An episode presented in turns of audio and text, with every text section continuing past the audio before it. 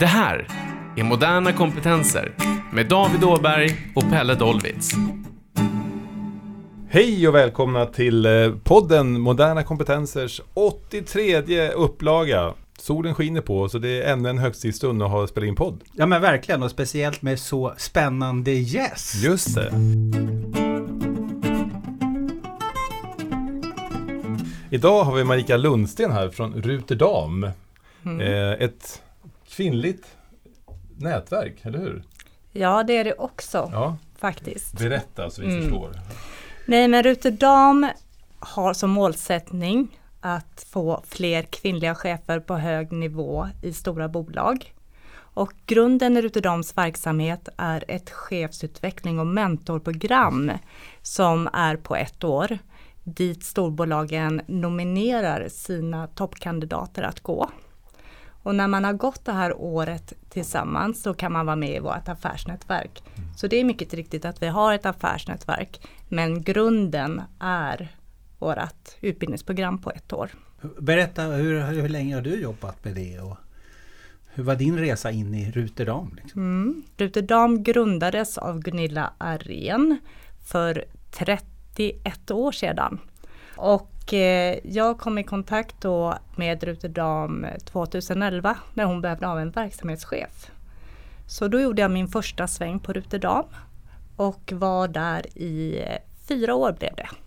Sen var jag borta ett par år och eh, sedan nu, sedan två år tillbaka, är jag VD.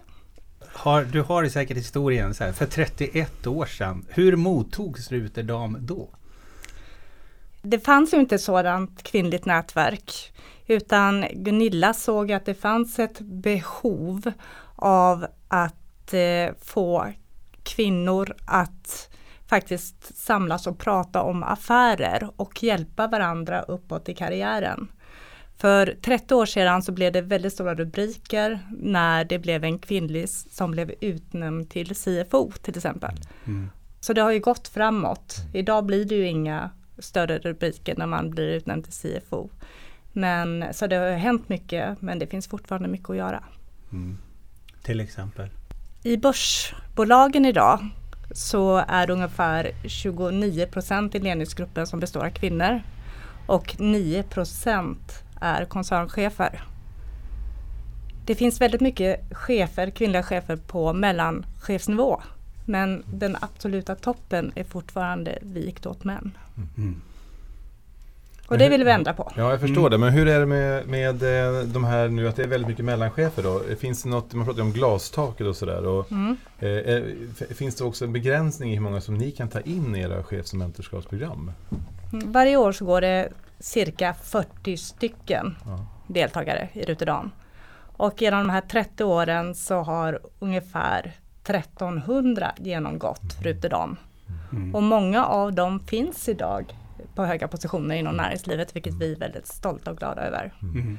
För vi ser också att det är viktigt med förebilder. Att man ser att det går att ta sig till toppen. Mm. Och där har vi fantastiska kvinnor inom Ruterdam som faktiskt har visat vägen. Ja, 9 procent är inte så jätteimponerande när man pratar jämställdhet och Nej, det finns faktiskt fler börs som heter Anders än som är kvinnor. Det är helt skandal. Mm. Och vad gör vi? Vad, jag förstår att ni jobbar med det. Kan du berätta så här konkret, vad, vad är eran mission kopplat till det där? Liksom, till att skapa den här jämställda eh, bolagsvärlden? Eh, Vi ser egentligen tre saker kan vi säga som är viktiga. För det första det här året man går tillsammans och eh, vi tar in en person från varje företag. Så vi har en bra spridning av alla företag inom Svenskt Näringsliv.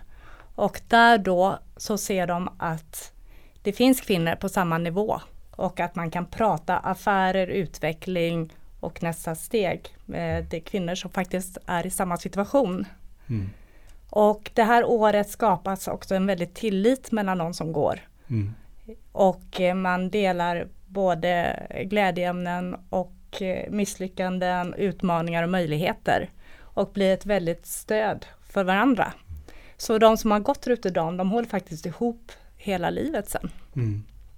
Vilket är helt fantastiskt. Mm. Så då är det Eh. så här de 94 de Ja. pratar ihop sig? Så här. Absolut. Ja, ja, Jag var Ja. på en återträff här eh, för de som hade 25-årsjubileum Ja. och de håller fortfarande ihop. Mm. Det är fantastiskt. Mm. Sen kan det vara lite att man hoppar in och ut och är olika aktiva men eh, de håller ihop. Mm. Mm. Så att det, själva grundåret är väldigt eh, viktigt och då har vi ju naturligtvis seminarium och vi går igenom eh, olika eh, utbildningsdelar. Men sen har man också ett mentorskap. Och eh, vi inom Ruterdam är väldigt eh, lyckligt lottade att vi har de flesta koncernchefer som mentorer hos oss. Mm. Och eh, de följer åt, eh, följer åt Rutterdamerna hela året också då. Så eh, för att råda och stötta och hjälpa dem vidare att ta nästa steg.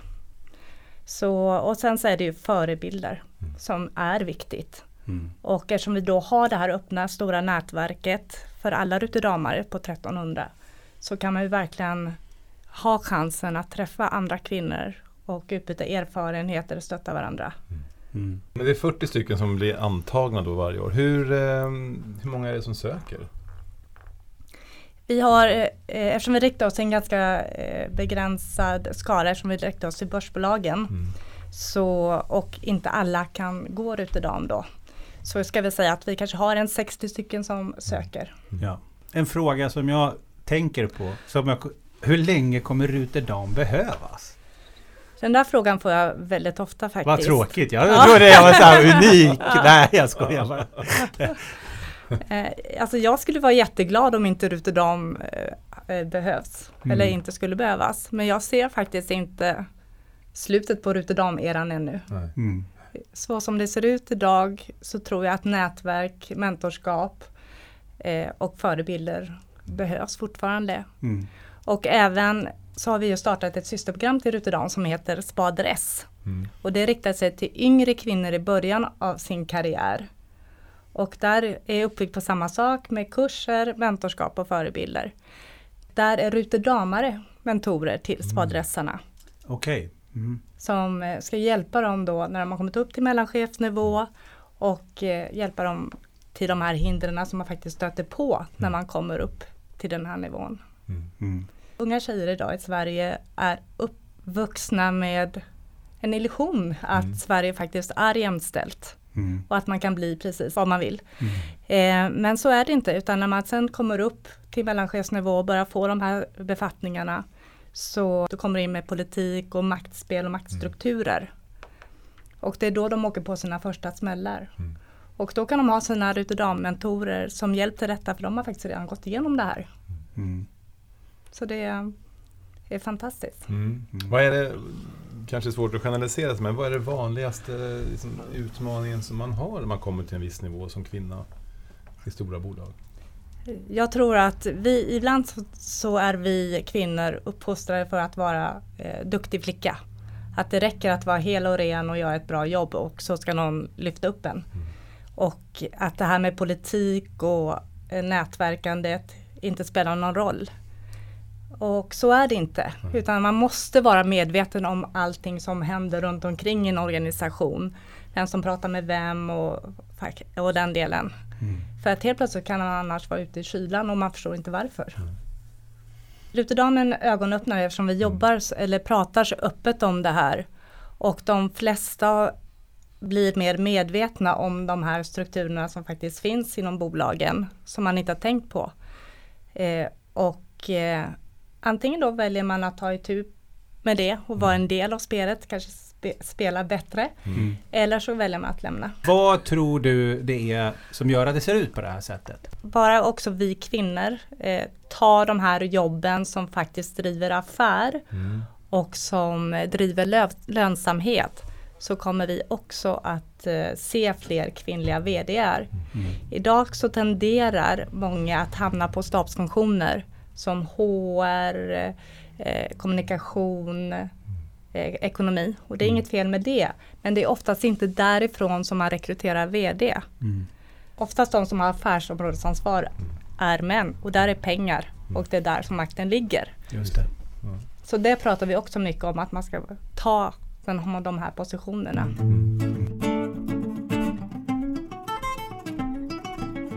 Vad tror du då? Om du, om du vågar blicka sådär, eh, ja vad ska vi säga? Vad brukar vi säga? Tio år framåt. Eh, hösten 2029 Mm. i augusti där. Hur ser det ut då? Jag har ju en, en förhoppning på den eh, nya generationen och även att det förändras så fort nu. Allt det här med datoriseringen, globaliseringen gör ju att konkurrensen om kompetensen är mycket större. Mm. Och då, jag kan ge ett exempel. Förut till exempel så, jag pratade med en hög chef på ICA hon sa att förut då så rekryterar man ju från Willys eller alltså man Mm. tog ifrån konkurrenterna. Nu slåss man ju med, med, samma, eller med samma kompetenser som Google, Spotify och så vidare. Och då har du inte råd att utesluta 50% av befolkningen Mm. Eller etnicitet eller vad det nu kan vara, Mm. utan du måste bredda dig i din rekrytering. Mm. Och där tror jag också, eftersom kvinnor eh, har ju högre betyg och eh, studerar längre, att här kan det bli en förändring. För du, rent affärsmässigt så överlever du inte om du inte ser till hela kompetensbehovet som finns där ute. Mm. Så där har jag min förhoppning. Just det. Ja. Mm. Vi får ta en ny träff då så får vi se hur det, läget är då. Ja, 2029. Eh, berätta, vad... Eh, du sa att eh, unga, män, unga kvinnor, tror Mm. jag uttryckte dig, som kommer ut i arbetslivet har en föreställning om att det ska vara jämställt. Mm. Va, vad är det du får höra, kanske framförallt då från spaderessarna tänker jag, liksom att vad är det de upplever? De har inte varit med om de här maktspelen som kanske, eller det här jag säger att de tror att det räcker att ha en bra utbildning och att man ska göra ett bra jobb. Och Mm. man levererar gärna lite över än vad man måste hela Mm. tiden på topp. Och det tror jag är, är att de inte är med i det här spelet och inte förstår då att eh, man måste nätverka och bygga allianser på något sätt. Det är tråkigt att det ska vara så men du, du, eh, för du, när du börjar utmana om makten, det är inte om kompetensen du utmanar utan det är om makten och maktstrukturer. Då kommer du åka på smällar. Mm. Och då måste man vara medveten om det. Och hur du hanterar det och hur du bygger dina alli- allianser. Mm. Men sen är det ju också, kvinnor tar ju största delen av hemarbetet fortfarande. Mm.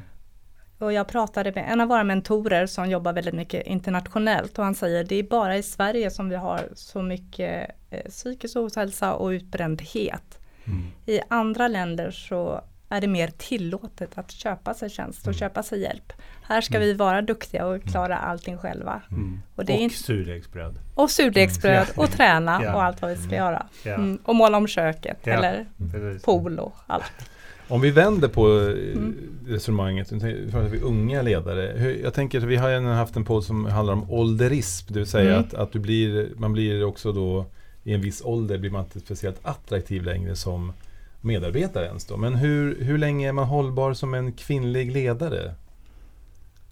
Det där är en svår fråga för det. jag tycker att det går inte att säga någonting rent generellt om det. Nej. Om man är, jag tror att både män och kvinnor drabbas av faktiskt av åldersdiskriminering på arbetsplatserna idag. Mm. Men om man läser så börjar det vända nu också. Och det är ju också beroende på att allting går så snabbt nu på den här förändringen och att man, måste, att man söker kompetensen mer brett nu än vad man gjorde tidigare. Mm. Så förhoppningsvis så eh, ser vi ett trendbrott där också. Mm. Mm. Hur gammal är den äldsta mentorn som ni har i mentorprogrammet? Oj, eh, jag tror eh, att vi har, vi har ju några som är styrelseproffs som Mm. inte längre är aktiva och de är nog över 70 i alla fall. Mm. Mm. Det är bra. Mm. Mm. Så vi har både kvinnliga och manliga mentorer. Så att mentor, våra mentorer ser nog ut i fördelning precis som eh, börsbolagets vd ser ut. Med i form av kvinnligt och manligt. Mm. Mm. Mm. Nu tog vi så här 10 års perspektiv framåt. Eh, eh, och vi backade tillbaka för 30 år sedan och sådär. Eh, när du är ute och försöker rekrytera. Hur, hur möts du? Är det så här kul att ni kommer eller vad, vad är det som händer? Alltså hur möts Ruterdam ute på, på, på bland bolagen? Liksom? Ruterdam har ett väldigt starkt eh, varumärke och väldigt gott rykte. Ja. Så eh, när man pratar Ruterdam så vet alla vilka vi är Mm. och vad vi gör. Så, och, så det är väldigt, jag ska inte säga enkelt, men eh, det hjälper till när jag söker nya mentorer eller för att få ansökningar till programmet. Det gör det. Mm. Att vi har funnits så länge, men framför allt att de som har gått Ruterdam, de är ju våra främsta ambassadörer. Det är ju de som pratar gott om sitt Ruterdamår och vad det har betytt Mm. för dem. Jag sitter och tänker på en sak och det är ju ehm, nya stora, alltså bolag som växer, som Mm. blir stora. Det händer ju till då och då, då att de blir... Hur lätt är det för dem att komma med i programmet? Det, eh, vi försöker ha en bra blandning på bolag och även funktioner var de kommer ifrån Mm. då. Så det är mer en vilja och att man har bra personer som vill Mm. gå Ruterdam som är avgörande. Just det. Mm. Vad tänker du David? Jag tänker fortfarande, jag, alltså jag tycker fortfarande att det är helt chockerande att det är fler som heter Anders än vad det är Mm. eh, Mm. alltså börsbolags VDR eh, som är Mm. kvinnor. Eh, och jag tänker att vi har pratat om det så himla länge i Sverige. Om det här med jämställdhet och eh, reformer som har genomförts och sådär. Och ändå är vi så prematura i det här. Mm. Om man nu är, är, är kvinna eh, oavsett ålder och inriktning då. eh, vad, vad skulle du vilja ge för tre konkreta så här, tips som vi brukar fråga om? På, Mm. Vad, vad skulle du vilja säga till henne då? Bygg ett eh, starkt nätverk med eh, kompetenta kvinnor runt omkring dig. Eh, och gärna utanför ditt eget bolag. Lär dig jobba lite lagom, alltså man behöver inte leverera till topp hela tiden så man blir utsliten utan good enough är faktiskt väldigt bra. Mm. Och ibland gå ut och gör de här sakerna som en gör, gå, alltså gå golfa eller eh, ta den här middagen som man ofta som kvinna hoppar över. För att man vet aldrig vad det kan leda till. Mm.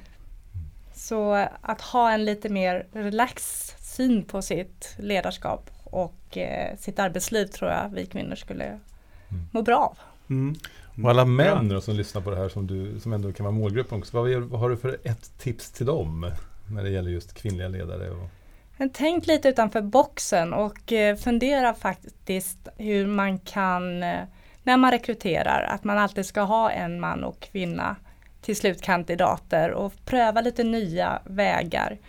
Eh, Var en förebild för andra chefer inom bolaget och följ upp. Mm. Följ upp att det faktiskt att man har ett bra jämställdhetsarbete och pusha på de här kvinnorna som kanske tvekar lite. För att det kan, det, är, det kan vara läskigt att vara i minoritet. Så var ett Mm. bra stöd och mentor så kommer det att fixa sig det här till slut. Mm. at, the, at the end of the day. Det. Ja. Vad tänker du Pelle? Ja, men jag, jag, eh, jag hoppas, jag, jag, jag tänker ju så här att kvinnor är ju ofta, säger jag, det är inte generalisera, men jag tycker många kvinnor har ju en sundare inställning till, till företagande än, eh, alltså, och eh, det här att det, det får inte bli så mycket eh, Ja, men det blir lite mindre vilt tror man, jag får säga så. Att Man chansar inte på samma sätt innan man leder företag och är kvinna som, som män gör ibland. Och jag menar, det kanske är även i idrottsföreningar och så där, men just att det, det är män Mm. som oftast är de som blir lite våghalsiga. Mm. Och de kommer oftast undan med det på ett annat sätt också. Just det. Mm. Så att jag, jag skulle vilja att det, jag, Mm. jag tror mycket på att ju fler kvinnliga ledare som, som poppar upp, desto bättre kommer bolagen gå över tid. Mm. Det tror jag. Jag tror vi behöver ha blandning, Ja, både män, kvinnor, Ja, olika verkligen. kompetenser, Mm. etniciteter för att Ja. det här ska fungera bra. helt klart. Mm. Jättebra, tusen tack för att du kom. Ja, Ja. tack för att Mm. jag fick komma. Ja. Mm. Och ehm, ja, David, är det din tur? Det är det. Ja. Tack för att ni lyssnade. Vill ni veta mer så gå in på modernakompetenser.se och fram tills vi hörs nästa gång så ha fokus på plus och eh, njut. Ja, hej då! Hej då!